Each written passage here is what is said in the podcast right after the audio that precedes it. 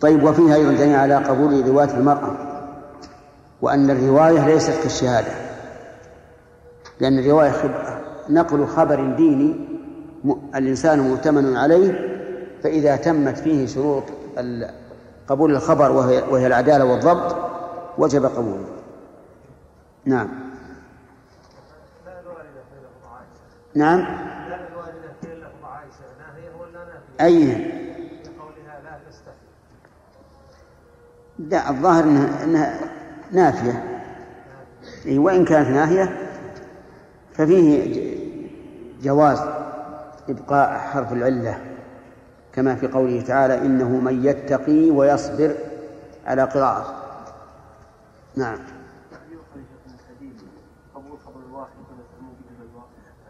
إي نعم. الله ما هو حج العورة بالنساء؟ المرأة اللي كانت في النساء ما حج عورتها. ما هو ذكرناه ذكرناه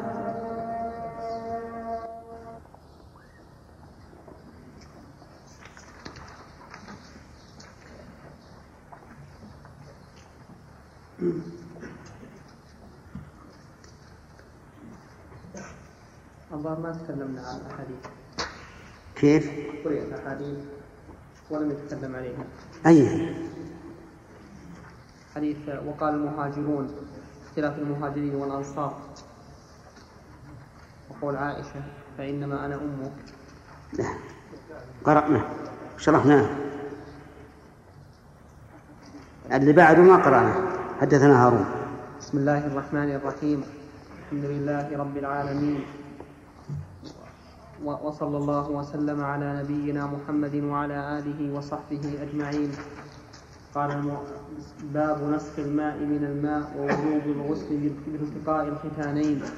قال الإمام مسلم رحمه الله تعالى في كتاب الحيض من صحيحه حدثنا هارون بن معروف وهارون بن سعيد الأيلي. قال حدثنا ابن وهب.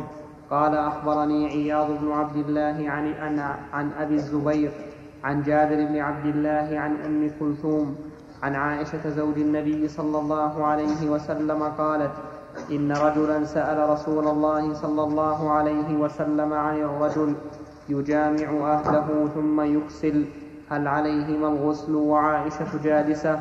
فقال رسول الله صلى الله عليه وسلم إني لأفعل ذلك أنا وهذه ثم نغتسل. هذا كالأول. لكن النبي صلى الله عليه وعلى آله وسلم أحال السائل إلى فعله. وفي هذا الحال يكون الفعل للوجوب لأنه سأل قال هل عليهما الغسل وعلى تفيد الوجوب؟ فقال إني لأفعل هذا إني لأفعل ذلك أنا وهذه ثم نغتسل.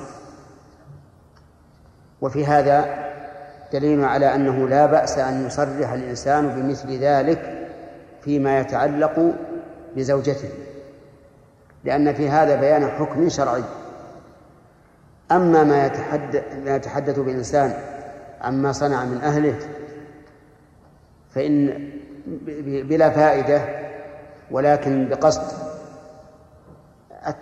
بقصد آه، التفكه بمثل هذا الكلام بين زملائه وأصحابه فإن ذلك لا يجوز لأن النبي صلى الله عليه وسلم أخبر أن هذا من شر الناس منزلة يوم القيامة.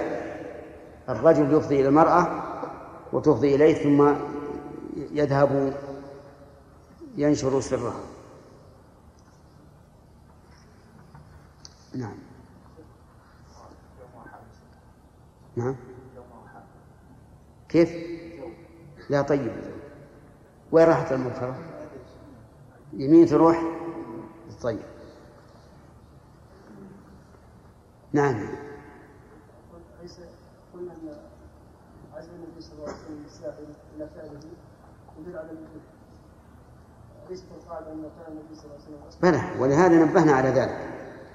القاعدة أن فعل الرسول صلى الله عليه وسلم يدل على الوجوب. إلا يدل على الاستحباب إلا بقرينة هنا قرينة لأن قال يسأل هل عليهما الغسل. وعلى تفيد تفيد الوجوب. نعم. قول الناهي ان هذا الحديث ضعيف لأنه من روايه الزبير عن جابر وهو مدلس هل صلى الله عليه وسلم وضعيف ما في مسلم وضعف في البخاري في حديث البخاري اولا بارك الله فيك أن زبير أبو الزبير صرح في عده أحاديث مرت علينا بالتحديث والسماع من جابر.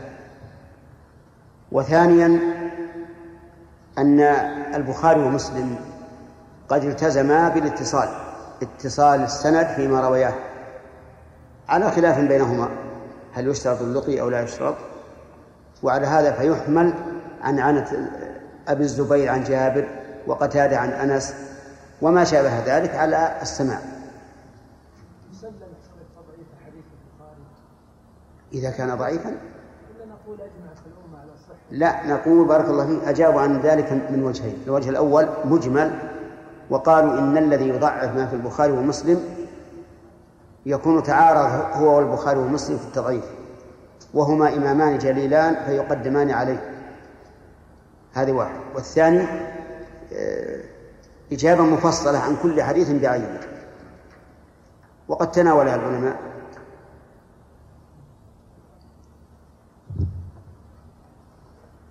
باب الوضوء مما مست النار. وحدثنا عبد الملك بن شعيب بن الليث. قال حدثني أبي عن جدي. قال حدثني عقيل بن خالد.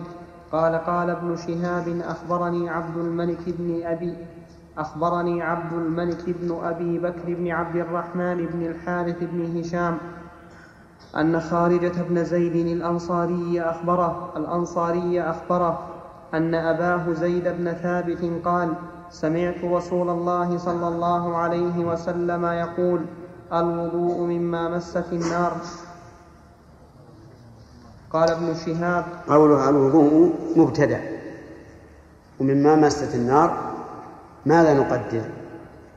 الظاهر أن نقدر واجب ولا نقدر كائن. وهنا قد يعارض معارض ويقول إن المعروف عند النحويين أنه إذا كان المتعلق خاصا فإنه لا يجوز حذفه. فيقال إن قوة العبارة تدل على الوجوب يعني إن الوضوء واجب مما مست النار. نعم.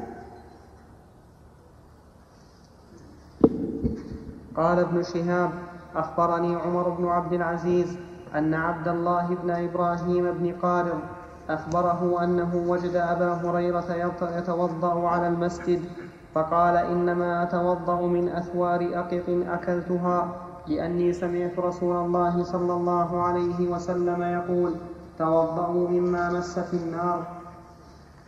قال ابن شهاب أخبرني سعيد بن خالد بن عمرو بن عثمان وأنا أحدثه هذا الحديث أنه سأل عروة بن الزبير عن الوضوء مما مست النار.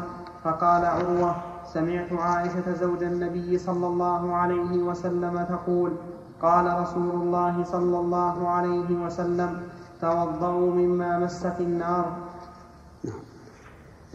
قوله في هذا في هذه الأحاديث مما مست النار يشمل ما مست من اللحم أو الأقط أو الخبز أو غيرها. والثور من الأقط القطعة منه. القطعة منه تشبه القرص تسمى ثور وفي ذلك يقول الحريري في الغازل وطالما مر بي كلب وفي فمه ثور ولكنه ثور بلا ذنب. له قصيدة في محة الإعراب فيها الغاز من هذا البيت. طالما مر بي كلب وفي فمه ثور. يقول كيف كلب وفي فمه ثور؟ لكن يقول ثور بلا ذنب يعني أقطع. ثور أقطع ما له ذنب. فاللي ما يعرف اللغة العربية يقول هذا مستحيل. لكن الثور هو القطعة من من الأقيط. نعم.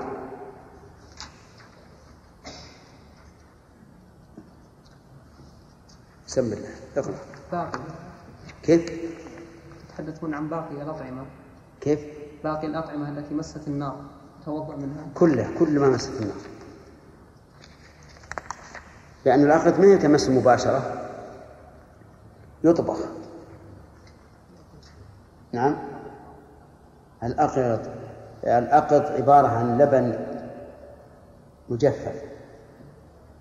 يجفف ثم يطبخ على النار.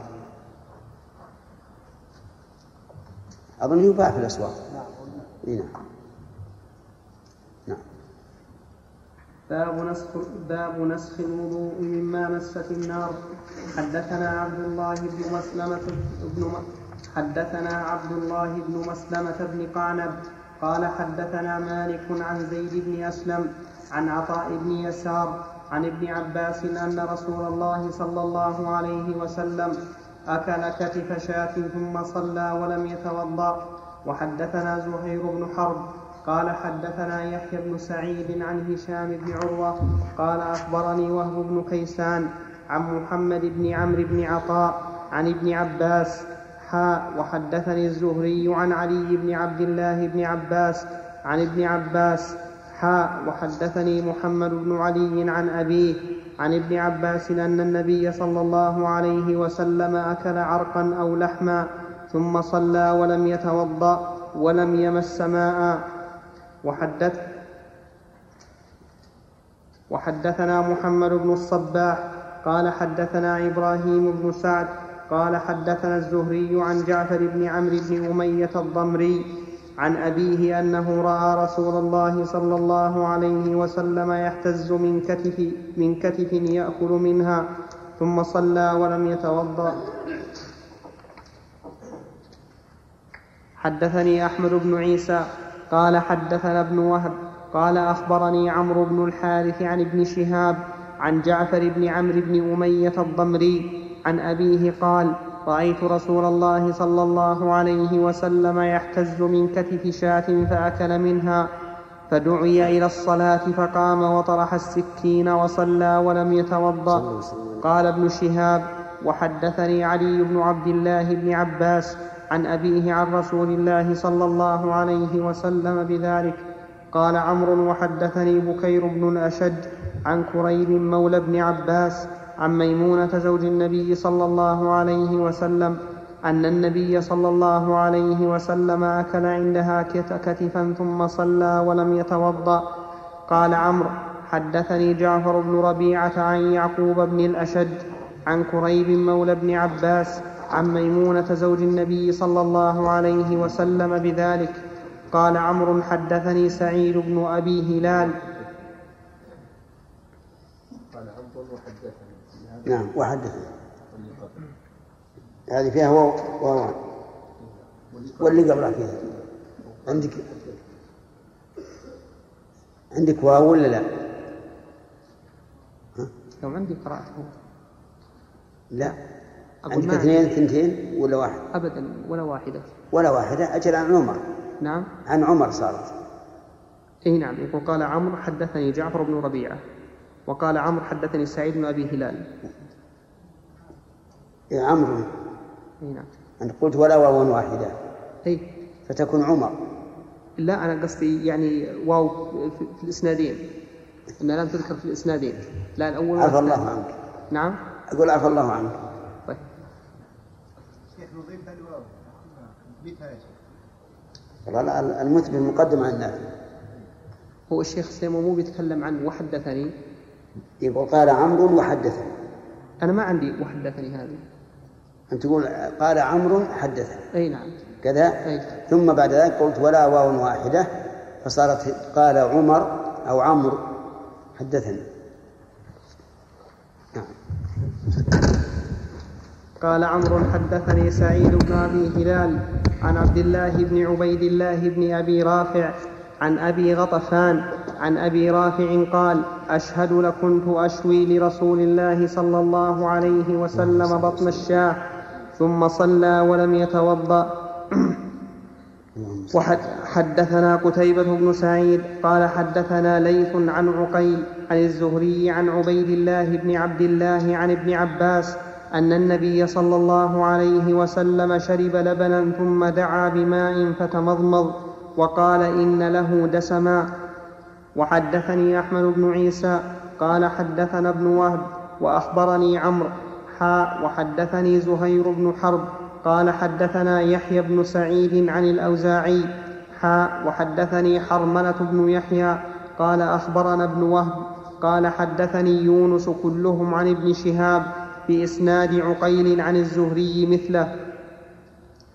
وحدثني علي بن حجر قال حدثنا إسماعيل بن جعفر قال حدثنا محمد بن عمرو بن حلحلة عن محمد بن عمرو بن عطاء عن ابن عباس أن رسول الله صلى الله عليه وسلم جمع عليه ثيابه ثم خرج إلى الصلاة فأتي بهدية, بهدية خبز ولحم فأكل ثلاث لقم ثم صلى بالناس وما مس ماء.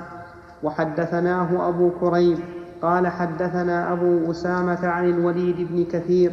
قال حدثنا محمد بن عمرو بن عطاء. قال كنت مع ابن عباس. وساق الحديث بمعنى حديث ابن حلحلة. وفيه أن ابن عباس شهد ذلك من النبي صلى الله عليه وسلم. وقال صلى ولم يقل بالناس. هذه الأحاديث كما ترون فيها أن النبي صلى الله عليه وعلى آله وسلم لم يتوضأ مما مست النار. وفي الباب الذي قبله أمر بالوضوء مما مست النار.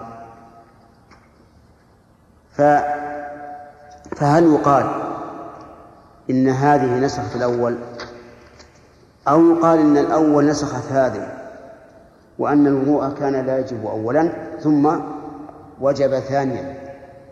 أو يقال نحن نشك وإذا كنا نشك فلا تبرأ الذمة إلا بالوضوء. لاحتمال أن يكون الأمر بالوضوء بعد أن كان لا لا يتوضأ. أو نقول فعله خاص به ونحن مكلفون بقوله. كل هذه احتمالات. فأما القول بأن الأول القول بأن الأول هو المتأخر وأن الرسول صلى الله عليه وسلم كان لا يتوضأ ثم أمر بالوضوء. فإنه قد ورد عن النبي عليه الصلاة والسلام من حديث جابر قال كان آخر الأمرين من رسول الله صلى الله عليه وسلم ترك الوضوء مما مست النار. وهذا واضح في أن ترك الوضوء مما مست النار كان متأخرا. وإلا لقلنا إن الأمر بالوضوء هو المقدم لأن من القواعد الأصولية أنه إذا تعارض نصان أحدهما ناقل عن الأصل والثاني مبق على الأصل قدم الناقل عن الأصل فهمتم؟ لماذا؟ لأن الناقل عن الأصل معه زيادة علم ما لم يوجد دليل على أن المبقي على الأصل هو المتأخر فيعمل به. وأما القول إذن ثلاث احتمالات كلها سقطت. وأما القول بأن هذا خاص بالرسول عليه الصلاة والسلام فهذا يمنعه أننا لا نقول بالخصوصية إلا بدليل ولا دليل هنا. لا دليل. هنا. ثانيا يمنعه أن الصحابة رضي الله عنهم احتجوا على حكم هذه المسألة بماذا؟ بفعل الرسول عليه الصلاة والسلام. وكفى بهم أسوة.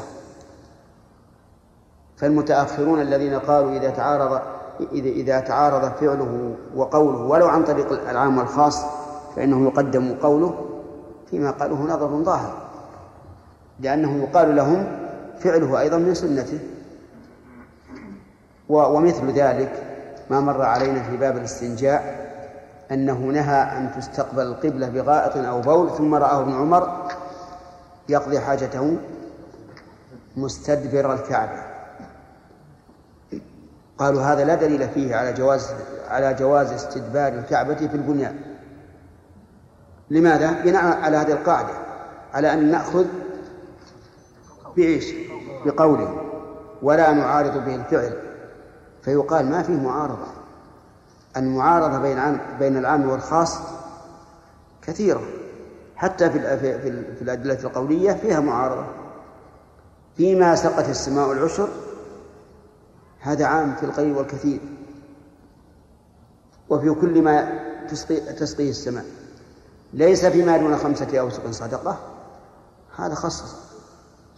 المهم أن الصواب أن فعل الرسول صلى الله عليه وسلم يخصص قوله. وفي هذا الحديث ما في التعميم والتخصيص. فيقال إن الوضوء مما مست النار قد نسخ وجوبه نعم.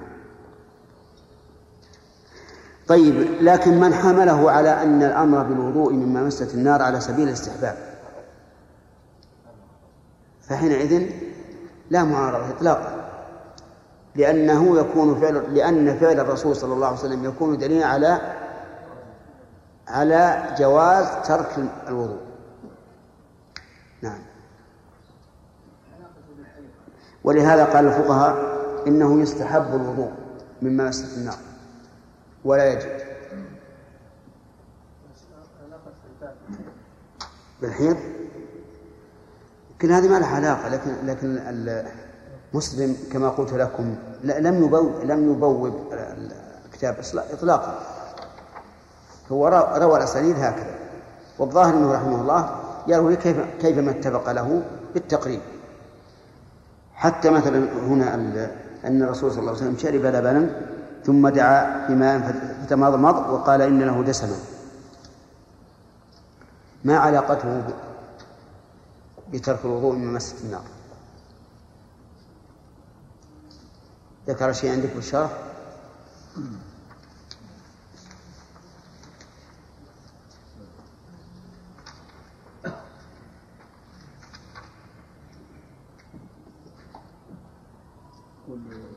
في استحباب المضمضة من شرب اللبن قال العلماء وكذلك غيره من المأكول والمشروب. يستحب له المضمضة ولئلا تبقى منه بقايا يبتلعها في حال الصلاة و ولتنقطع اللبن به بقايا تبتلع في الصلاة. ولتنقطع لجوجته ودسمه ويتطهر فمه هذا هو الصحيح. لأن الرسول علل ما قال لئلا يبقى شيء في فمي فأبتلعه في الصلاة. قال لأن له دسما لكن ما ذكر مناسبة الحديث للباب. لا ما ذكر. ها؟ نعم لا اللبن ما هو بيطبخ اللبن ما هو بيطبخ يطبخون إيش؟ على إيش؟ إحنا نسوي إحنا الآن نطبخ اللبن إذا بغيناه مثلا حليب دلة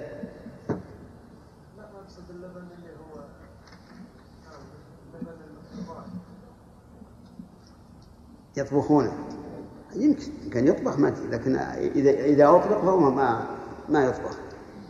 نعم سليم. الرسول صلى الله عليه وسلم ولم ما وصلناه ما وصلناه يا سليم.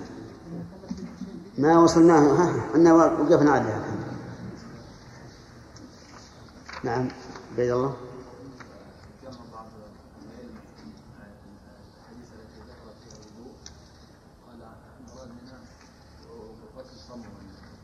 اي حمل الوضوء على, على هذا ما هو صحيح هذا. يعني حمل بعض الوضوء بعض العلماء قوله توضأوا المراد غسل الفم واليدين غلط. لأنه مر علينا أن ما له حقيقة شرعية فإنه يحمل على الحقيقة الشرعية. نعم. شيخ ذكر النووي قال يكره قطع اللحم بالسكين دون دون ما أدري ما هو الإكراه لعله من باب من باب الترفه. يعني بعض الناس المترفين الآن ما يقطعون بيديهم يجيب شوك ملعقة لها لها شوك نعم ويخزه بالحمى ويجيب السكين ويقطع هذا ترف. ولهذا يؤدي هذا الفعل إلى إيش؟ إلى الأكل باليسار. لا فقع عليهم بعيد عنها لكن يؤدي إلى الأكل باليسار. نعم. لا هو الشوكة هي اللي تشيل اللحم. ثم يأكل باليسار. سم. أنت أربعة. ها؟ كيف؟ من من ذكره؟ أي ها هو اللي إحنا نسأل عنه الآن ما ما وجدنا شيء. لكن بعض الأخوان قال إن لبن بعض يطبخ. لا لا ما يصح. لا ما يصح. لا غلط. لأن هذا لم تمسه النار. لو كان قد مسته النار لا لقيل يمكن أن تحمل على المضمضة وغسل اليد نعم.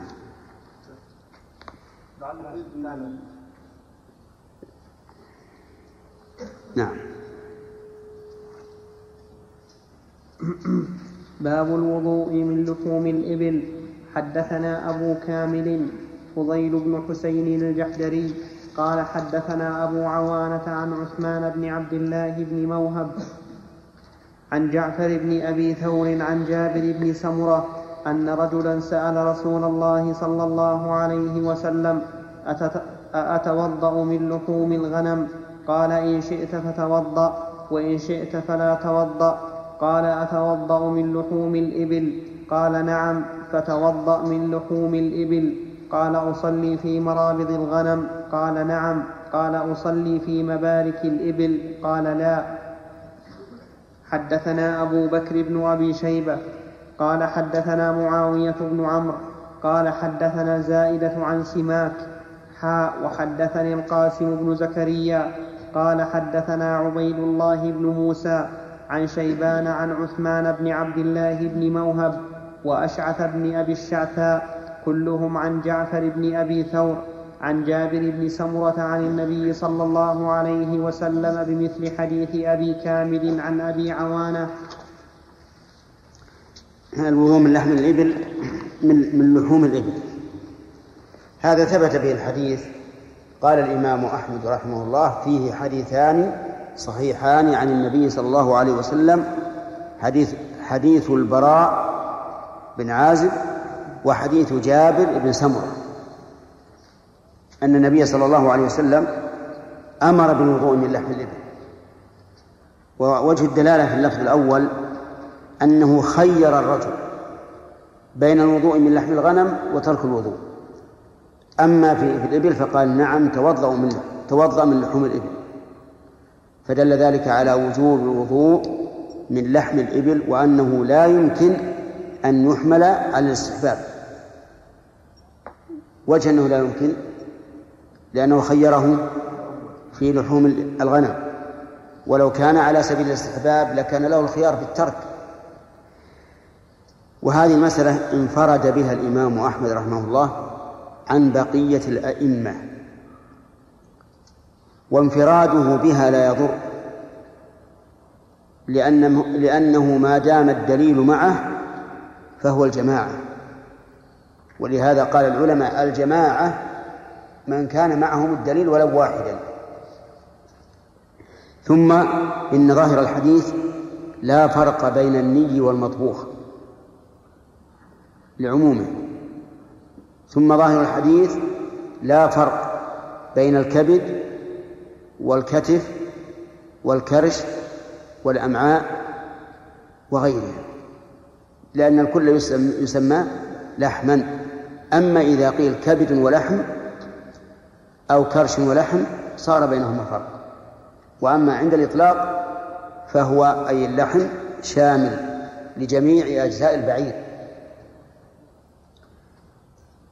فإن قال قائل ما الحكمة من وجوب والوضوء من, من لحم الإبل دون لحم الغنم؟ فالجواب على وجهين للعلماء. منهم من قال لا نعلم الحكمة وإنما نتعبد لله تعالى بما أمرنا به. وهؤلاء يسلمون من الإيرادات. مو من الإرادات ما يقال ولما والله إحنا نحن نتعبد. إذا قضى الله ورسوله أمرا لم يكن لنا الخيارة من أمره. ومنهم من قال بل العلة معقولة وهي أن الإبل خلقت من الشياطين. ليس من الشياطين الذين هم الجن لكن من الشياطين الذين هم مردة يعني أنها هي طبيعتها الشيطنة والعنف. فهو كقوله تعالى خلق الإنسان من عجل مع أن الإنسان خلق من تراب لكن لأن طبيعته العجل العجلة. كذلك هذه الإبل طبيعتها إيش؟ الشيطنة. ولهذا أخبر النبي صلى الله عليه وسلم أن الغلظة والجفاء في الفدادين أصحاب الإبل لأنهم يألفونها ويأخذون من طبائعها. قالوا فلحم الإبل إذا أكله الإنسان فإنه يثور دمه ويميل إلى الانفعال. فناسب أن أن الأمر بالوضوء منه من أجل الهبوط هذا الانفعال. والأطباء المتأخرون يقولون لا ينبغي للإنسان العصبي أن يكثر من لحم الإبل لأنها تزيد انفعاله. وأيا كان فإن تبين لنا وجه الحكمة فهذا هو المطلوب. وإن لم يتبين فالحكمة أمر الله ورسوله. لأن الله سبحانه وتعالى ورسوله لا يأمران إلا بما هو الخير. وفي الحديث دليل على طهارة بول وروث مأكول اللحم. من أين يؤخذ؟ من إذنه أن يصلى في مرابض الغنم. فإن قيل هذا الاستدلال يعارض بمنعه من الصلاة في مبارك الإبل. فإن أبوال الإبل وأرواثها طاهرة. فأنتم إما أن تقولوا بالنجاسة أو تقولوا بنجاسة إما أن تقولوا بنجاسة مبارك الغنم كما قلتم في مبارك الإبل أو لا. والجواب أن يقال إننا نمنع من الصلاة في مبارك الإبل لا لأنها نجسة. ولكن لأن مأوى الإبل المخلوقة من الشياطين قد يكون مأوى للشياطين. نعم. شيخ بالنسبة إذا خلق الإنسان مثلا حليب البعير مع مع مع البول قليلا يثبت البطن وكذا. فهل يصلي بعدها إذا كان يريد. يعني كما مر صلى الله عليه وسلم الصحابة أن يضع قليلا من بول الإبل. إيه. ليش ما يصلي؟ يعني تخشى أن يتحرك بطنه؟ أو هل يأخذ الوضوء البول مع لا لا اللبن لا ينقض الوضوء اللبن والبول لا ينقض الوضوء نعم. شيخ بارك الله فيك من من من كان مثلا لا يرى بوجوب لحم الإبل كان كان متبعا لأهل المذاهب مثلا وجاءه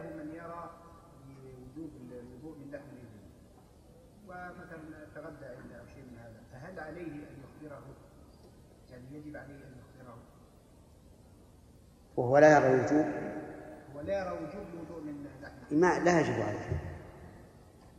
لكن إذا كان يجهل فإنه يجب أن أن يبلغ أو كان يعلم أنه ممن يرى وجوب الوضوء من لحم الإبل يجب عليه أن يبين أن أن يبلغه. هو يعلم أن الثاني الذي أكل عنده يرى بوجوب أنا ظننت بالعكس. أنا ظننت أن صاحب المحل يرى الوجوب وذاك لا يرى الوجوب. لا يعكس. طيب. يجب عليه أن يبلغ يجب. نعم. كما لو لو رأيت شخصا يريد أن. أن يستعمل النجاسة أو أن يلبس ثوبا نجسا يجب عليك أن تبلغه. نعم. سبحان الله. ما تكلمنا عنها قبل؟ نعم. واحد منكم ينام قلبه ثم يجي يسأل. ما في جواب. أجل نعم. توضيح. للتوضيح فقط. نعم. بالنسبة للحديث السابق بالمناسبه إيش؟ بالمناسبه بالنسبة للحديث السابق هل يفهم من قول الامام مسلم في غد الحديث فتمضمض وقال ان له دسما انه اراد بذلك انه وان كان لا يتوضا من لحوم الابل الا انه يتمضمض مما مست النار. أقول مما مست النار نعم يعني ولا لا يتوضا منه لكن له دسم فيتمضمض كما ان اللبن يعني له دسم فتمضمض منه النبي صلى الله عليه وسلم. قصدك لحم الإبل يعني؟ الحديث السابق عن مسك النار طيب بمناسبه الحديث لاراده أي حديث؟ حديث تمضمض وقال انه دسم بالنسبة طيب أي نعم هذا يقال أورده هنا إيه. كونه في الحديث السابقه أورد الوضوء من مسك النار لكنه قال كونه لا يتوضأ إلا أنه يتمضمض لكون له دسمة كما مثلا اللبن له دسم يتمضمض منه النبي طيب والخبز له دسم. الحديث السابقة كلها أوردت انه لكن هل الخبز له دسم؟ طيب. الحديث مما مست النار إذا كان له دسم أو ليس له دسم. عام. طيب بعض العلماء ادعى أن حديث الأمر بالوضوء من لحم الإبل منسوخ بحديث جابر الذي ذكرناه قبل قليل وهو كان آخر الأمرين من النبي صلى الله عليه وسلم ترك الوضوء مما مست النار. وهذا يدلك على أن بعض العلماء عفى الله عنهم يعتقدون ثم يستدلون. فإذا اعتقدوا ثم استدلوا لووا أعناق النصوص إلى ما يعتقدون. والواجب أن الإنسان يستدل أولا ثم يعتقد ليكون حكمه تابعا للنصوص وليس متبوعا. ولأن ذا ولأن ذا أسلم لذمته وأبرأ عند الله عز وجل. فيقال كان آخر الأمر الأمرين ترك الوضوء ترك الوضوء مما مست النار ولم يقل من لحوم الإبل. لو قال هكذا لقلنا على العين والرأس. ويكون الأمر بالوضوء من, من لحوم الإبل على سبيل الاستحباب. لكنه لم يقل هذا. ترك الوضوء مما مست النار. فالموضوع ليس لحم الإبل ولكنه ما مست النار. نعم تعليق الأوفي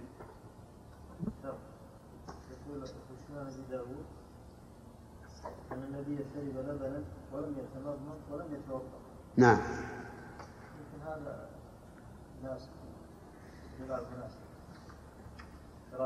هذا ما هذا لا يمكن ولم يتوضأ قريب لكن لا يمكن أيضا إلا إذا قلنا إن هذا اللبن إيش؟ مطبوخ.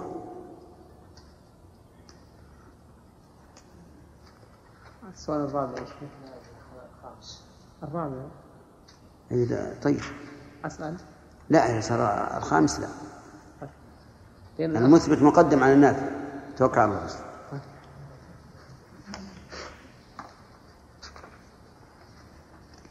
باب الدليل على أن من تيقن الطهارة ثم شك في الحدث فله أن يصلي بطهارته تلك.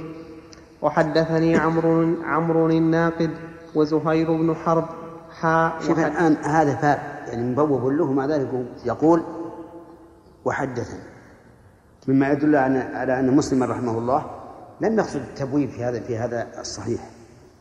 لكن التقريب نعم. حاء وحدثنا أبو بكر بن أبي شيبة جميعا عن ابن عيينة قال عمرو حدثنا سفيان بن عيينة عن الزهري عن سعيد وعباد بن تميم عن عمه شكي عن عمه أنه قال شكي إلى النبي صلى الله عليه وسلم الرجل يخيل إليه أنه يجد الشيء في الصلاة. قال لا ينصرف حتى يسمع صوتا أو يجد ريحا. قال أبو بكر وزهير بن حرب في روايتهما هو عبد الله بن زيد. وحدثنا وحدثني زهير بن حرب. قال حدثنا جرير عن سهيل عن أبيه عن أبي هريرة قال قال رسول الله صلى الله عليه وسلم إذا وجد أحدكم في بطنه شيئا فأشكل عليه أخرج منه شيء أم لا؟ فلا يخرجن من المسجد حتى يسمع صوتا أو يجد ريحا. نعم هذان الحديثان في من شك في الحدث بعد أن كان متطهرا سواء كان في صلاة أم لم يكن في صلاة. فإن نقول له الأصل بقاء الطهارة. ولا يجب عليك أن تتوضأ. فإن قال إذا غلب على ظني أني أحدثت نقول لا تتوضأ أيضا لأن الرسول صلى الله عليه وسلم نهى عن ذلك. ثم إنك إذا فتحت على نفسك هذا الباب انفتح عليك باب الوساوس. فالتزم ما أمر به الرسول عليه الصلاة والسلام. العالمين. وصلى الله وسلم على نبينا محمد وعلى آله وصحبه أجمعين. باب طهارة جلود الميتة بالدباغ.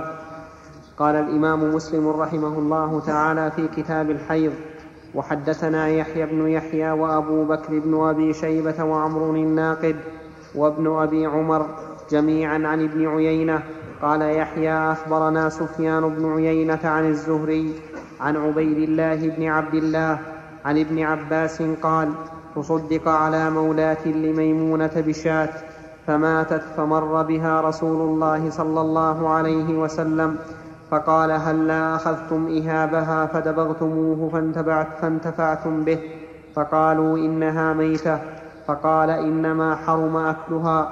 قال أبو بكر وابن أبي عمر في حديثهما عن ميمونة رضي الله عنها وحدثني أبو الطاهر وحرملة. هذا الباب في في حكم الجلود جلود الميتات.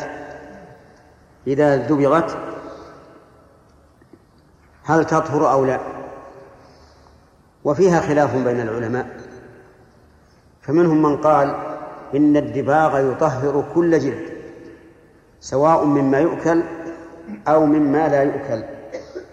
ومنهم من قال إن الدباغ لا يطهر أي جلد سواء كان مما يؤكل أو مما لا يؤكل وهذان قولان متقابلان. الثاني منهما هو المذهب عند أصحابنا رحمهم الله قالوا لا يطهر جلد الميت بالدباغ لكن إن كان الجلد مما هو طاهر في الحياة فإنه يباح استعماله بعد الدبغ في الأشياء اليابسة. حتى وإن كانت لا تؤكل. ما دامت طاهرة في الحياة. والطاهرة في الحياة عندهم هو الهرة وما دونها في الخلقة.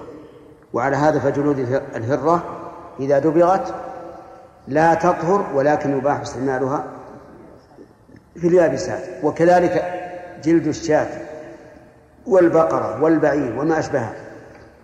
إذا ماتت فإنها لا فإنها لا تطهر بالدباغ ولكن يباح استعمالها في اليابس. وقال بعض أهل العلم إن كل جلد يطهر بالدباغ سواء من من من ميت يؤكل في الحياة أو من ميت لا يؤكل في الحياة أو من ميت أو من ميت حي مما لا يؤكل في الحياة. يعني جميع الجلود. واستدل هؤلاء بعموم قول النبي صلى الله عليه وعلى آله وسلم أيما إهاب دبغ فقد طهر. وبأنه لا فرق بين ما كان نجسا أو ما أو طرأت عليه النجاسة. فجلد الميتة التي تؤكل كان بالأول طاهرا ثم طرأت عليه النجاسة بموت البهيمة فصار نجسا. فيقال لا فرق بين الذي طرأت عليه النجاسة وبين ما كان أصله النجاسة كجلد الحمار مثلا. فهؤلاء قالوا جميع الجلود إذا دبغت طهرت حتى جلود الحمير والآساد والنمور وغيرها. القول الثالث أنه إذا كان الجلد مما يؤكل في الحياة فإنه يطهر طهارة تامة ويباح استعماله في كل شيء. واستدل هؤلاء بقول بقول النبي صلى الله عليه وعلى آله وسلم في بعض ألفاظ الحديث دباغ جلود الميتة زكاتها. فجعل الدباغ بمنزلة الزكاة والزكاة إنما تؤثر في في مأكول اللحم. وفرقوا بينه وبين ما كان نجسا قبل الموت بأن هذه النجاسة طارئة فهي كنجاسة كتنجس الثوب بنجاسة خارجية. يمكن غسله يطهر وهذا القول عندي أقرب الأقوال إلى الصواب. ويليه القول بأن جميع الجلود تطهر. وأما القول الثالث بأنها لا تطهر ولكن يباح استعمالها في اليابسات فهو قول ضعيف ليس له مستند. ولننظر إلى إلى الحديث الذي معنا. آه، أهديت شاة على مولاة لميمونة زوج النبي صلى الله عليه وسلم. فماتت فمر بها النبي صلى الله عليه وعلى آله وسلم مر بها وهم يجرونها ليرموها بعيدا فقال هل أخذتم إهابها؟ فدبغتموه فانتفعتم به. فقالوا إنها ميتة. قال إنما حرم أكلها. والانتفاع بالجلد ليس ليس أكلا له ولكنه انتفاع به. وبناء وبناء على هذا الحديث نقول إنه يجوز الانتفاع بكل ما يخرج من الميتة حتى بشحومها ودهنها على وجه لا يتعدى. وهذا القول هو القول الراجح كما دل عليه حديث جابر أيضا حين نهى النبي صلى الله عليه وسلم عن بيع الميتة والخمر والخنزير والأصنام فقالوا أرأيت شحوم الميتة؟ فإنه تطلى بها السفن وتتهم بها الجلود ويستصبح بها الناس. فقال لا هو حرام. ويدل وهذا الحديث نص. قال إنما حرم أو حرم أكلها. وهذا ليس أكلا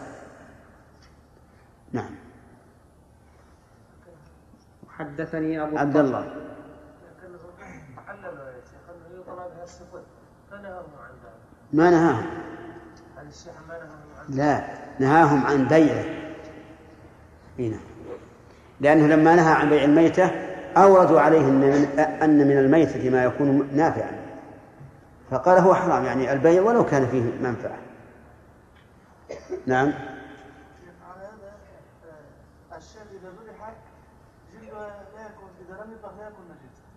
لا لا يكون نجسا. إذا ذكيت الشاة زكاة شرعية فجلدها طاهر سواء دبغ أم لم يدبغ.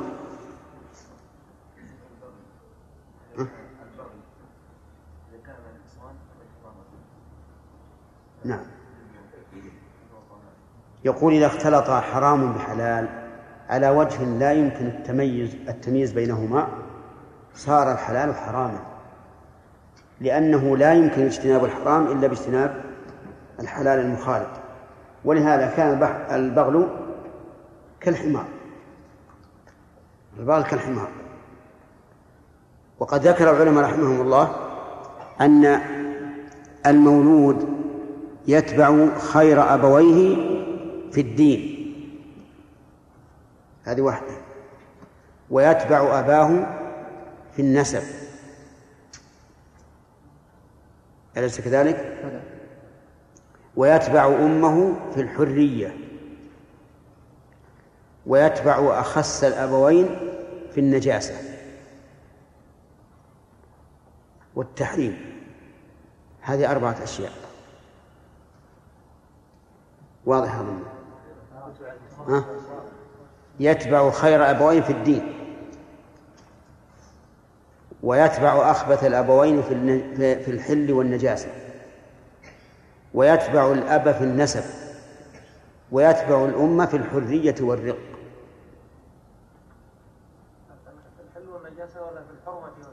في الحل والنجاسة. أو الحرمة والنجاسة. هو هو متضادان. طيب يتبع خير خير أبوين في الدين. يعني أن ولد النصرانية من المسلم مسلم. طيب. وولد النصراني من المسلمة؟ ما يجوز انتبهوا لا يصير المطب عليكم. إيش يصير؟ مسلم. قدر إيه؟ قدر أن نصرانيا تزوج مسلمة. فيكون ولد؟ مسلم. اي نعم لا يتصور. يتصور فيما لو وطئه بشبهة. لو وطئها بشبهة صار الولد له وهو مسلم. وهذا سواء وطئ نصرانية أو يهودية أو أو مشركة. طيب. ويتبع أخبث الأبوين في النجاسة والتحريم وإن شئت يقول في الحل والنجاسة أو في طيب. أخبث الأبوين. البغل أبوه حمار. وأمه فرس. وهو إيش؟ حرام. حرام ولا حلال؟ حرام. يخبث نعم يتبع أبوه الثالثة يتبع الأب في النسب. وهو ظاهر. الرابعة يتبع الأم في الحرية والرق. ولهذا لو تزوج الحر امرأة رقيقة فأولاده أرقاء لمالك الأم. ومن ثم حرم الله على الحر أن يتزوج أمه لأنه إذا تزوج أمه صار كما قال الإمام أحمد إذا تزوج الحر أمة رق نصفه. صار نصفه رقيقا. ما هذا النصف الذي يكون رقيقا؟ أولاده الأولاد. طيب ولو تزوج عبدا عبد حرا ماذا يكون أولاده؟ يكون أولاده أحرار نعم. واضح عبد الله؟ طيب. نعم. كيف؟ خذ القواعد بارك الله فيك الآن لأن ماذا وقت شرح الموضوع. نعم. أشكل عليك يوضح إن شاء الله إذا جاء في وقته. نعم. يلا يا أخي.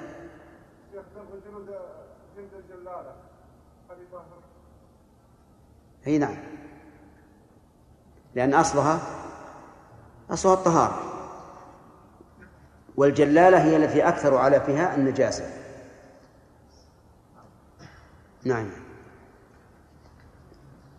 وحدثني أبو الطاهر وحرملة قال حدثنا ابن وهب قال أخبرني يونس عن ابن شهاب عن عبيد الله بن عبد الله بن عتبة عن ابن عباس أن رسول الله صلى الله عليه وسلم وجد وجد شاة ميتة أعطيتها, أعطيتها مولاة لميمونة من الصدقة.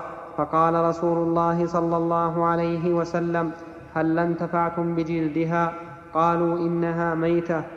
فقال إنما حرم أكلها. حدثنا حسن الحلواني وعبد بن حميد جميعا عن يعقوب بن إبراهيم. هذا في الحقيقة إنما حرم أكلها. يفيد أن الإنسان عند الاستدلال يتقيد بما جاء به النص. يتقيد بما جاء به النص. ونضرب إلى هذا مثلا. آنية الذهب والفضة. ما الذي ورد الوعيد فيه؟ الأكل والشرب. الأكل والشرب. لا تأكلوا ولا تشربوا. فإذا استعملها الإنسان في غير الأكل والشرب كحفظ الأدوية وما أشبه ذلك فهل يحرم؟ الصحيح لا. ولو اتخذها زينة و و ولم يصل إلى حد الإسراف لكونه غنيا فإنه لا يحرم. طيب. ويؤيد هذا أنه لا يحرم استعماله في الأكل والشرب أن أم سلمة وهي من من روت النهي عن ذلك كان عندها جلجل من فضة. الجلجل يعني يشبه؟ العلبة الصغيرة. نعم. فيه شعارات من شعارات النبي صلى الله عليه وسلم. يستشفى بها للمرضى. يؤتى إلى أم سلمة تضع فيها ماء تخفضه ثم تسقيه تسقيه المريض. فيشفى بإذن الله. فانظر إلى التعبير الدقيق في كلام الرسول صلى الله عليه وسلم. إنما حرم أكلها. فلنتقيد بماذا؟ بما جاء به النص. حرمت عليكم الميتة والدم ولحم الخنزير وما أهل لغير الله به. لو قال قائل حرمت عليكم الميتة عام. عام. حرمت بجميع الانتفاعات. قلنا قبح الله قولك. أأنت أعلم أم رسول الله؟ نعم. ثم القرآن يدل على أن المراد الأكل. لأنه في آخر الآية قال فمن اضطر في مخمصة أي في مجاعة غير متجانف للإثم فإن الله غفور رحيم. والذي يناسب المجاعة إيش؟ الأكل. نعم. قول النبي صلى الله عليه وسلم الكريم إنما حرم اكلها نعم. لو باع الجلد ياكل ثمنه ولا لا؟ أي نعم. باعه قبل الدبغ ولا بعده؟ طيب. يرى بعض العلماء أن أن بيعه صحيح. إذا قلنا بطهارته. لأنه لا مانع منه الآن. ويرى آخرون إنه ليس بصحيح وهم الذين يقولون بنجاسته وأنه لا يطهر ولكن يباح إستعماله في في اليابسات. قبل الدبغ الصحيح أنه لا يجوز بيعه لأنه إلى الآن له حكم الميتة. وإن كان بعض الناس يقول إذا كان يمكن تطهيره أفلا ي... أفلا نجعله كالثوب النجس؟ والثوب النجس يعني إذا تنجس الثوب يجوز بيعه. ولكن الصحيح أنه لا يجوز بيعه لأنه حتى الآن لم يصلح لأن يكون منتفعا به. بس يا أخي ما إحنا قلنا مناقشة ما يصير. السؤال واحد فقط إذا أجيب إن كان عنده إشكال في الجواب لا بأس أما إيرادات مناقشة يروح الوقت على واحد. نعم.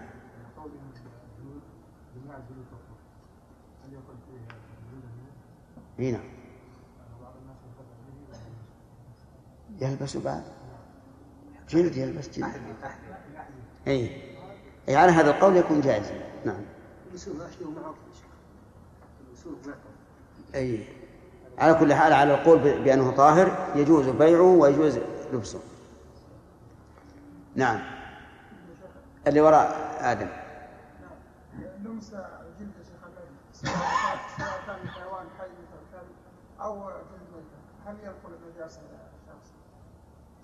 يقول إذا لمس الإنسان شيئا نجسا. جلد ولا غير جلد؟ هل تنتقل النجاسة إليه؟ فالجواب أن يقال إن كان هناك رطوبة تنتقل بواسطتها النجاسة صار نجسا بالملاقاة. وإن كان لا رطوبة فإنه لا ينجس. ولهذا عند العوام قاعدة عامية فقهية يقولون ما بين اليابسين نجاسة وما هذه عندهم نافية يعني ليس بين اليابسين نجاسة وهذا صحيح نعم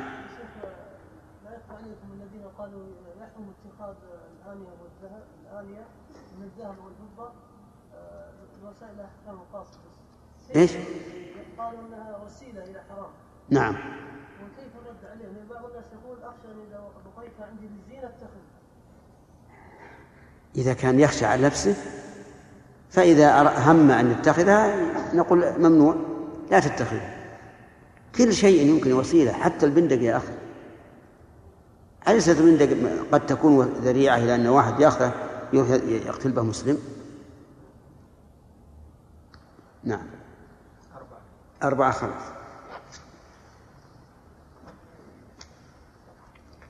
وحدثنا ابن أبي عمر وعبد الله بن محمد الزهري واللفظ لابن أبي عمر قال حدثنا سفيان عن عمرو عن عطاء عن ابن عباس أن رسول الله صلى الله عليه وسلم مر بشاة مطروحة أعطيتها مولاة لميمونة من الصدقة فقال النبي صلى الله عليه وسلم لا وسلم ألا أخذوا إهابها فدبغوه فانتفعوا به؟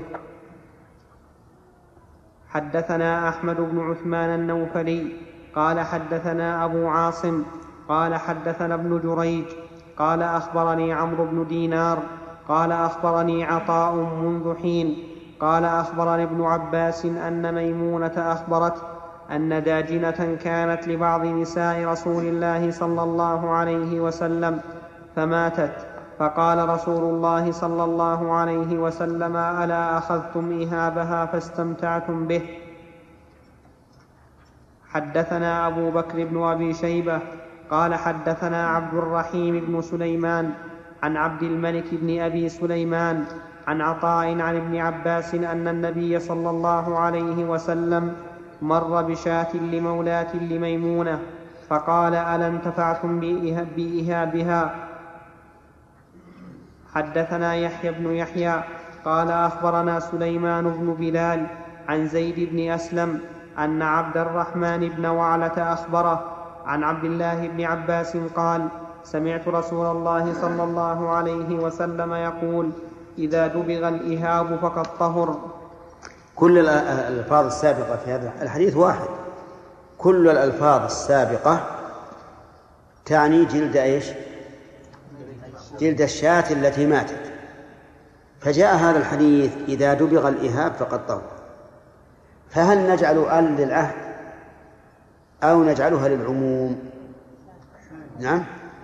ما دام مخرج الحديث واحدا والراوي واحد فإنه يتعين أن تكون أل هنا للعهد. يتعين أن تكون للعهد. فلو قال لنا قائل الأصل في أل العموم. والعبرة بعموم اللفظ لا بخصوص السبب. قلنا لكن عندنا عهد ذكري يمنع أن تكون ال للعموم. ولا نقول العبرة بعموم اللفظ لا بخصوص السبب إلا بعد أن يثبت أن ال إيش للعموم وهنا قرينة الحال تدل على أن ال للعهد لأن الحديث واحد مخرجه واحد وراويه واحد والتصرف هنا من بعض الرواة. نعم.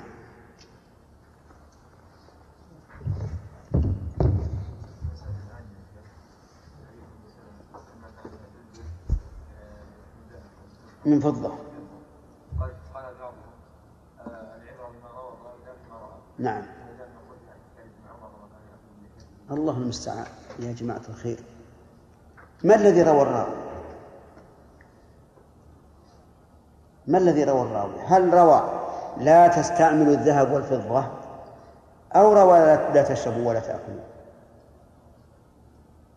فأين مخالفة فعل أم سلمة للحديث؟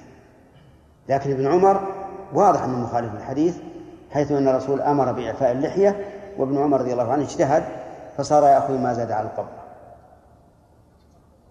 واضح؟ ابن عمر فعله واضح معارضة للحديث. لكن هذا ما في معارضة. لأن النبي صلى الله عليه وسلم قال لا تأكلوا ولا تشربوا. ام سلمة تقول ما أكلنا ولا شربنا. اي نعم. في مسألة نقض لحم الإبل الوضوء. الذين قالوا بذلك استدلوا بأن كل ما في الجلد يقضى الوضوء بدليل قوله تعالى حرمت عليكم الميتة والدم ولحم الخنزير. نعم. الذين قالوا بذلك لا يقولون بأن مرق المرق ينقض الوضوء. نعم. ومرق لحم الخنزير. محرم. محرم. تبعا للحم. بارك الله فيك. جيد. هذا إيراد جيد. ولكن الجواب عنه من وجهين. الوجه الأول أن من العلماء من التزم بهذا. وقال إن مرق لحم الإبل ناقض للوضوء كلبنها. ومنهم من لم يلتزم وقال إن النص دل على التفريق. وذلك أن النبي صلى الله عليه وسلم أمر النفر من جهينة أو عرينة أن يلحقوا بإبل الصدقة ويشربوا من أبوالها وألبانها ولم يأمرهم. اسمع. ولم يأمرهم بالوضوء. فإذا كان لبنها الخارج من بين فرث ودم وهو كجزء من أجزائها فكيف بالماء الذي ليس منها ولكن تأثر بطعمها؟ نعم. شرافي إيش؟ إي نعم. التحنيط الذي يظهر لي أنا أنه إذا حنط محفول اللحم بعد زكاته. فلا بأس به. لأنه طاهر. لكن يبقى النظر هل فيه إضاعة للمال؟ الجواب لا. لأنهم يأخذون اللحم ما يبقى للرأس والرقبة. والأكارع والباقي يأخذونه. فإذا كان من مأكول اللحم وقد ذكي فلا فلا فلا بأس به. أما إذا كان من مأكول اللحم وقد مات أو كان من غير مأكول اللحم فلا أرى جوازه لأنه نجس. والأعيان النجسة المشروع لنا إتلافها لا إبقاؤها. ثم هي عرضة لأن يمسها الإنسان في حال تنتقل فيه النجاسة إلى يده أو إلى ثوبه. كم أخذنا؟ نعم. واحد.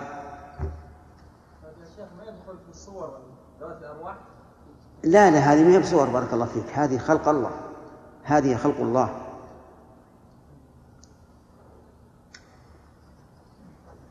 نعم.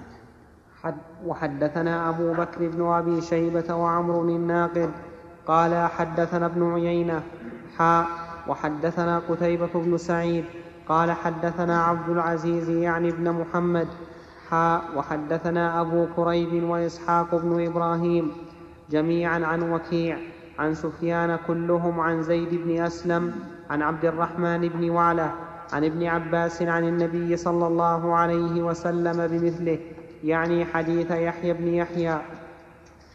حدثني إسحاق بن منصور وأبو بكر بن إسحاق قال أبو بكر حدثنا وقال ابن منصور أخبرنا عمرو, عمرو بن الربيع قال أخبرنا يحيى بن أيوب عن يزيد بن أبي حبيب أن أبا الخير حدثه قال قال رأيت على ابن وعله قال رأيت على ابن وعلة السبئي. فرو فروا فروا. قال رأيت على ابن وعلة السبئي فروا فمسسته فقال مسسته. فمسسته فقال ما لك تمسه؟ قد سألت عبد الله بن عباس قلت إنا نكون بالمغرب ومعنا البربر والمجوس نؤتى بالكبش قد ذبحوه ونحن لا نأكل ذبائحهم ويأتونا بالسقاء يجعلون فيه الودك فقال ابن عباس فقال ابن عباس قد سألنا رسول الله صلى الله عليه وسلم عن ذلك فقال دباغه طهور طهوره.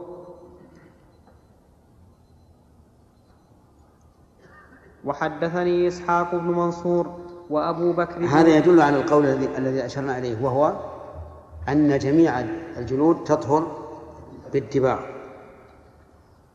نعم؟ لأنه لأن ال... لا. أنا كنت ذهب وهمي إلى شيء آخر. هذا يدل على ما, ما, ما ذكرناه من أنه إذا دبغ الإهاب فإنه يطهر وذلك لأن ذبائح هؤلاء البربر والمجوس ذبائحهم ميتة. فإذا دبغت الجلود وجعلت فراء فإنها تكون طاهرة على القول الصحيح. نعم. وحدثني إسحاق بن منصور وأبو بكر بن إسحاق عن عمرو بن الربيع قال أخبرنا يحيى بن أيوب عن جعفر بن ربيعة عن أبي الخير عن أبي الخير حدثه قال حدثني ابن وعلة السبئي قال سألت عبد الله بن عباس قلت إنا نكون بالمغرب فيأتينا المجوس بالأسقية فيها الماء والودك. فقال اشرب. فقلت أ فقلت أرأي؟ فقلت أرأي تراه؟ فقال ابن عباس سمعت رسول الله صلى الله عليه وسلم يقول دباغه طهوره. وفي هذا دليل على أنه إذا ذبح من لا تحل ذبيحته فإنه تكون فإنها تكون إيش؟ تكون ميتة ونجسة. وفيه أيضا دليل على ورع السابقين وأنهم يفرقون بين ما قاله الإنسان رأيا وما قاله بالدليل. ولهذا قال أرأي رأي تراه؟ يعني فإن كان رأي تراه فقد نأخذ به وقد لا نأخذ. فبين رضي الله عنه أنه ليس رأيا ولكنه مبين على الدليل.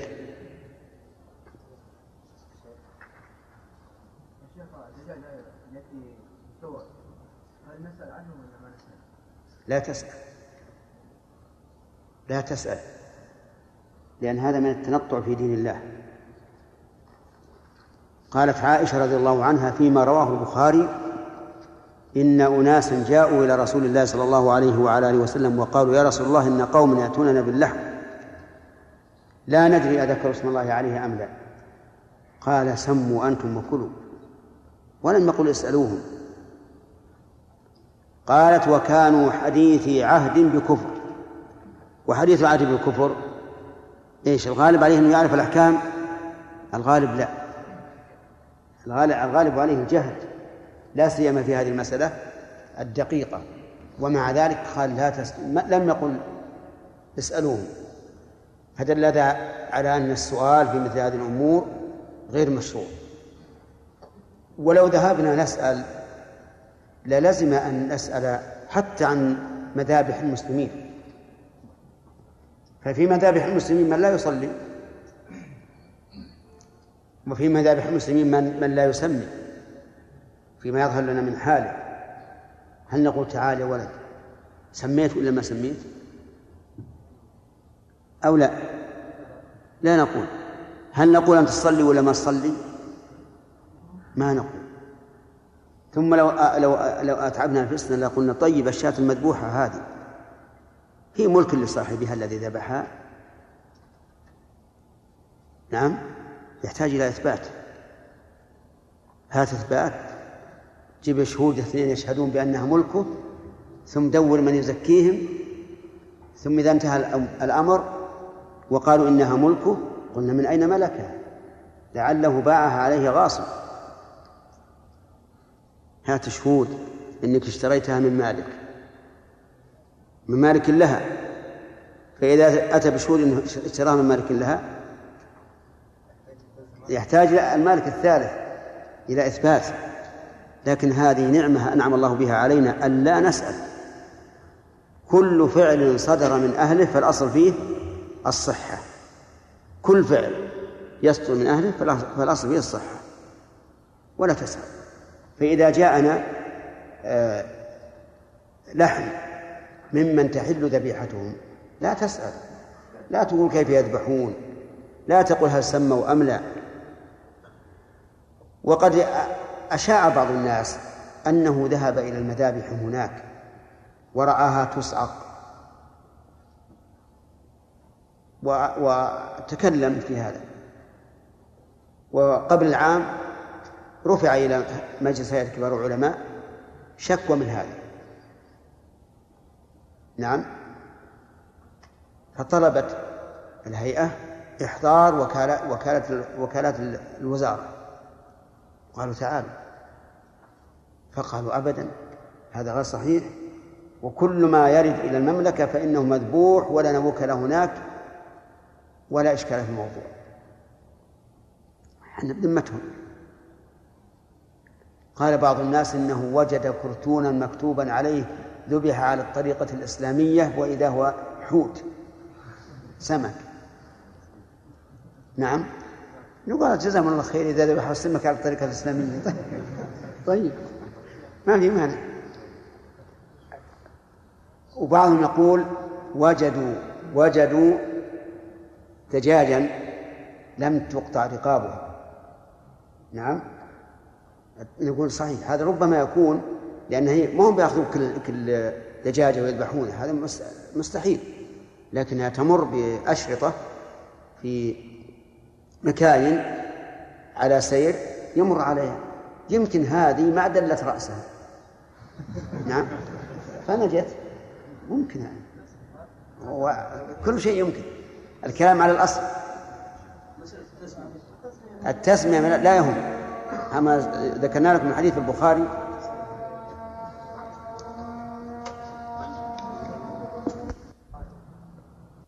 الحمد لله رب العالمين وصلى الله وسلم وبارك على عبده ورسوله نبينا محمد وعلى آله وصحبه أجمعين. قال المؤلف رحمه الله تعالى باب التيمم كتاب الإيمان. حدثنا يحيى بن يحيى قال قرأت على مالك عن عبد الرحمن بن القاسم عن, عن أبيه عن عائشة أنها قالت خرجنا مع رسول الله صلى الله عليه وسلم في بعض أسفاره حتى إذا كنا بالبيداء أو بذات الجيش انقطع عقد لي فأقام رسول الله صلى الله عليه وسلم على التماسه وأقام الناس معه وليسوا على ماء وليس معهم ماء. فأتى الناس إلى أبي بكر فقالوا ألا ترى إلى ما صنعت عائشة؟ أقامت برسول الله صلى الله عليه وسلم وبالناس معه. وليسوا على ماء وليس معهم ماء. فجاء أبو بكر ورسول الله صلى الله عليه وسلم. واضع رأسه على فخذي قد نام.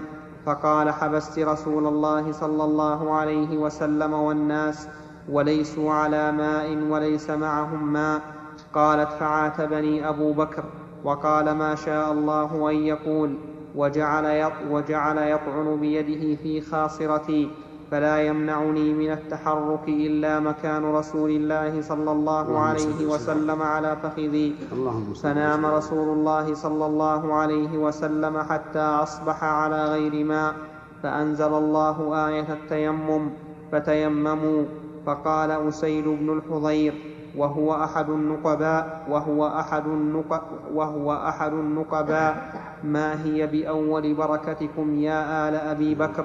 فقالت عائشة فبعثنا البعير الذي كنت, الذي كنت عليه فوجدنا العقد تحته. هذا لا يحتاج إلى كلام لأنه مر قريبا في البخاري بهذا اللفظ. حدثنا أبو بكر بن أبي شيبة قال حد طيب. بالنسبة لقول يحيى بن يحيى هو كثيرا يقول قرأت على مالك. نعم. غيره يا شيخ كاسماعيل بن أبي هويس أو عبد الله بن مسلم القعنبي يقول حدثنا يقولون حدثنا مالك. نعم. ومن المعروف أن مالك كان يرى القراءة مثل السماع. نعم. فهل يحمل على التجوز في الروايه أم أن مالك حدث وقرئ عليه؟ الظاهر أنه الثاني. والواجب أن نأخذ بظاهر اللفظ. هنا. ها؟ ما عندي كتاب الايمان كتاب الإيمان عندي كتاب الإيمان. عندك؟ كتاب الإيمان. لا باب التيمم بس. ها؟ لا. لا باب التيمم مستقل هذا. في كتاب الحي. هو في كتاب الحي. طيب على كل حال اشطبوا عليها. وأنت في التسجيل شيلها باب التيمم هكذا عندي نعم؟ لا بس يكفي التيمم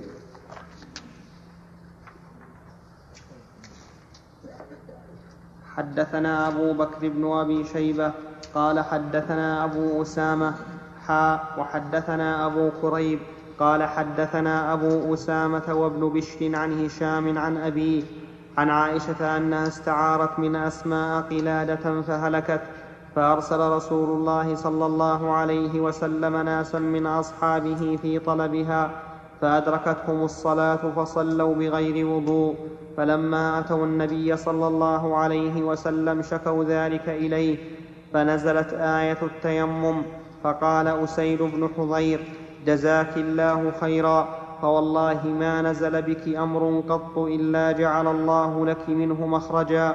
وجعل للمسلمين فيه بركة. حدثنا يحيى بن يحيى وأبو بكر بن أبي شيبة وابن نمير جميعا عن أبي معاوية. قال أبو بكر حدثنا أبو معاوية عن الأعمش عن شقيق. قال كنت جالسا مع عبد الله وأبي موسى. فقال أبو موسى يا أبا عبد الرحمن أرأيت لو أن رجلا أجنب فلم يجد الماء شهرا كيف يصنع بالصلاة؟ فقال عبد الله لا يتيمم وإن لم يجد الماء شهرا. فقال أبو موسى فكيف بهذه الآية في سورة المائدة؟ فلم تجدوا ماء فتيمموا صعيدا طيبا. فقال عبد الله لو رخص لهم في هذه الآية لأوشك إذا برد عليهم الماء أن يتيمموا بالصعيد. فقال أبو موسى لعبد الله ألم تسمع قول عمار بعثني رسول الله صلى الله عليه وسلم في حاجة فأجنبت فلم أجد الماء فتمرغت في الصعيد كما تمرغ الدابة. ثم أتيت النبي صلى الله عليه وسلم فذكرت ذلك له فقال إنما كان يكفيك أن تقول بيديك هكذا ثم ضرب بيديه الأرض ضربة واحدة ثم مسح الشمال على اليمين وظاهر كفيه ووجهه. فقال عبد الله أولم تر عمر لم يقنع بقول عمار؟ سبق لنا في سياق البخاري لهذا الحديث ما هو أتم وأحسن وهو أنه لما قال ألم ترى عمر لم يقنع بقول عمار قال له دعنا من قول عمار فما تصنع في هذه الآية. فلم يجب ابن مسعود شيئا. وهذا هو السياق الصحيح. يعني ما ساقه البخاري رحمه الله. وفي هذا الحديث دليل على أنه يمسح الشمال على اليمين وظاهر كفيه ووجهه بدون إعادة بدون إعادة للضرب مرة ثانية. وهذا هو الصحيح أنه لا تكرار في الضرب بالنسبة للتيمم. تكفي ضربة واحدة يمسح الشمال على يمسح وجهه ظاهر كفيه ووجهه والشمال على اليمين. ولا حاجة للتكرار وقيل أن التيمم ضربتان ضربة للوجه وضربة للكفين والصواب أنه واحدة. نعم. نعم سليم ها؟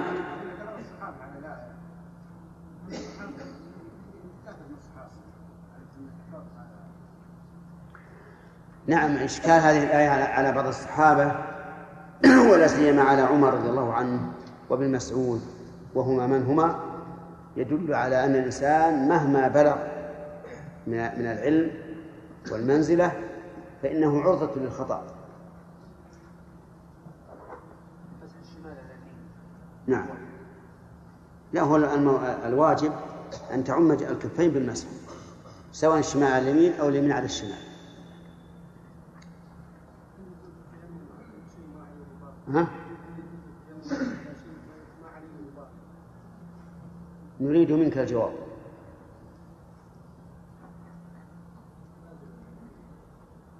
أما مرنا هذا؟ مر علينا يا أخي. وقلنا أن الصحيح أنه لا يشترط الغبار لعموم الآية تيمموا سعيدا طيبا. وقلنا بناء على ذلك تكون من ليش؟ نعم للبيان أو للابتداء يعني يكون التيمم من هذا. وبينا أنه مما يدل على ذلك أن الرسول صلى الله عليه وسلم نفخ فيهما بعد أن ضرب بهما على الأرض. أترك مرة الآن كلمة مرة هذا خلاها مرة ثانية. الأخوان كلهم الآن شهدوا بأني قلت. أي نعم قلنا ما يشترط. هذه لأن ما هي بأرض. طيارة ما هي بأرض.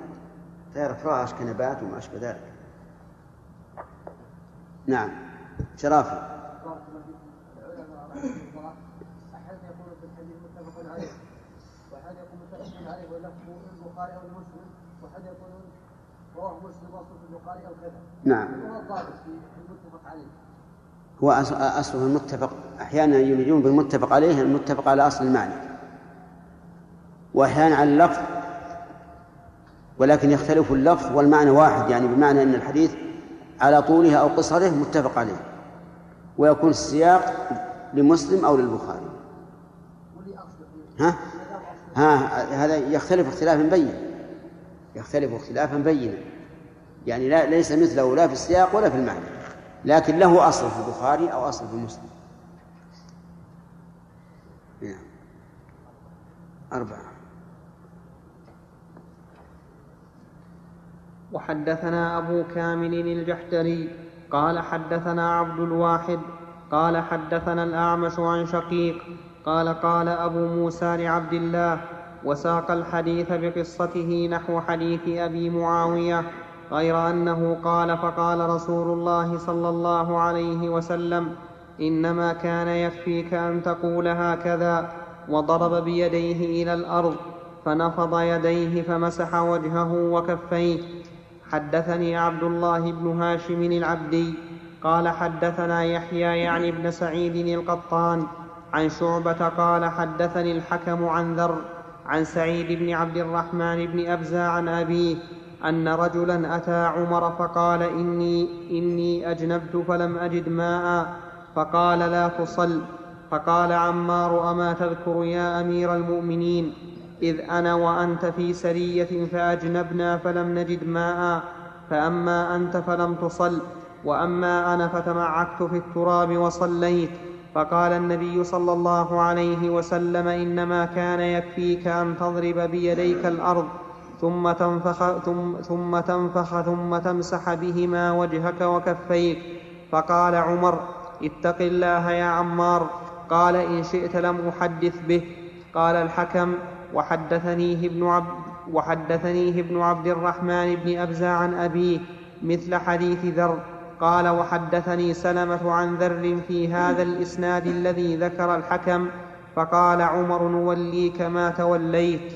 وحدثني إسحاق بن منصور قال حدثنا النضر بن شميل قال أخبرنا شعبة عن الحكم قال سمعت ذرا عن ابن عبد الرحمن بن أبزى قال قال الحكم وقد سمعته من ابن عبد الرحمن بن أبزى عن أبيه أن رجلا أتى عمر فقال إني أجنبت فلم أجد ماء وساق الحديث وساق الحديث وزاد فيه.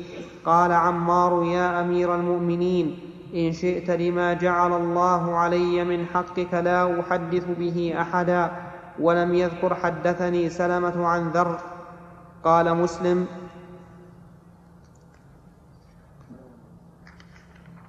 مستقل هذا قال مسلم وروى الليث بن سعد عن جعفر بن ربيعة عن عبد الرحمن بن هرمز عن عمير مولى بن عباس أنه سمعه يقول أقبلت أنا وعبد الرحمن بن يسار مولى ميمونة زوج النبي صلى الله عليه وسلم حتى دخلنا على أبي الجهم بن الحارث بن الصمة, بن الصمة الأنصاري فقال أبو الجهم أقبل رسول الله صلى الله عليه وسلم من نحو بئر جمل فلقيه رجل فسلم عليه فلم يرد رسول الله صلى الله عليه وسلم عليه حتى أقبل على الجدار فمسح وجهه ويديه ثم رد عليه السلام. حدثنا محمد بن عبد الله بن نمير قال حدثنا أبي قال حدثنا سفيان عن الضحاك بن عثمان عن نافع عن ابن عمر أن رجلا مر ورسول الله صلى الله عليه وسلم يبول فسلم فلم يرد عليه. في حديث عمار مع عمر وقوله رضي الله عنه يا أمير المؤمنين إن شئت لما جعل الله علي لما جعل الله علي من حقك ألا أحدث به أحدا. يعني فعلت. وسبق أن عمر قال نوليك ما توليت. وهذا فيه إشكال وهو أنه لو قال عمر لا تحدث به فظاهر السياق أنه يمتنع. ويبقى الإشكال كيف يمتنع عن نشر سنة ثبتت عن النبي صلى الله عليه وعلى آله وسلم؟ أفلا يكون هذا كتما للعلم؟ والجواب, والجواب عن هذا الإشكال أن عمارا قد حدث به وانتشر عنه وبين الحق. ثم قال إن شئت بما لما جعل الله لك علي من حق ألا أحدث به يعني إن رأيت المصلحة ألا أحدث به. فعلت. وفيه دليل على احترام السلف لمقام السلطان. وأولي الأمر. إلى حد أنه يقول إذا شئت أن لا أحدث بهذا الحديث الثابت فعلت. وذلك لأن منابذة ولاة الأمور ومعصيتهم فيها شر كثير. فإذا قدر أنه منعوا شخصا من الحديث أو الكلام في أي مكان فإن السمع والطاعة واجبة. إلا إذا تعين عليه. إذا تعين عليه فهذا لا لا يسمع ولا يطيع فأما إذا وجد من يقوم مقامه صار في حقه فرض كفاية فإذا منعوا ذلك فلا. وحدثني أحد الإخوة عن بعض العلماء أن الإمام أحمد رحمه الله منعوه من الحديث منعوا السلطان. أن يروي الحديث و, و, ويسنده إلى النبي صلى الله عليه وسلم فامتنع رحمه الله وصار لا يحدث حتى إذا إذا خرج للخلاء أو لحاجة ما تبعه الناس خفية يحدثهم بأحاديث رسول الله صلى الله عليه وعلى آله وسلم. فهذا صحابي عمار والإمام أحمد إمام. فإذا تدبرت حال السلف رحمهم الله عرفت كيف يقدرون ولاة الأمور في غير معصية الله. أما في معصية الله فلا سماع ولا طاعة لأي أحد. وأما حديث ابن عباس رضي الله عنه الأخير وهو أن الرسول صلى الله عليه وسلم لم يرد السلام فقد روى أبو داود تعليلا لذلك. أن الرسول صلى الله عليه وعلى آله وسلم قال كرهت أن أذكر الله إلا على طهر. وهذا مشكل لأنه لا يشترط لذكر الله أن يكون الإنسان طاهرا. بل قالت عائشة رضي الله عنها كان النبي صلى الله عليه وعلى آله وسلم يذكر الله على كل أحيانه وكان يقرئهم القرآن ولا يحجزه عن ذلك شيء إلا الجنابة. فأشكل على بعض الناس والجواب عن هذا الإشكال أن نقول إن كراهة النبي صلى الله عليه وعلى آله وسلم من باب الأكمل من باب ترك الأكمل وليست الكراهة الشرعية التي تدل على التحريم أو أو كراهة التنزيه. لأن المعلومة من حال الرسول عليه الصلاة والسلام عدم ذلك. وفيه دليل أيضا على أن السلام ذكر. على أن السلام ذكر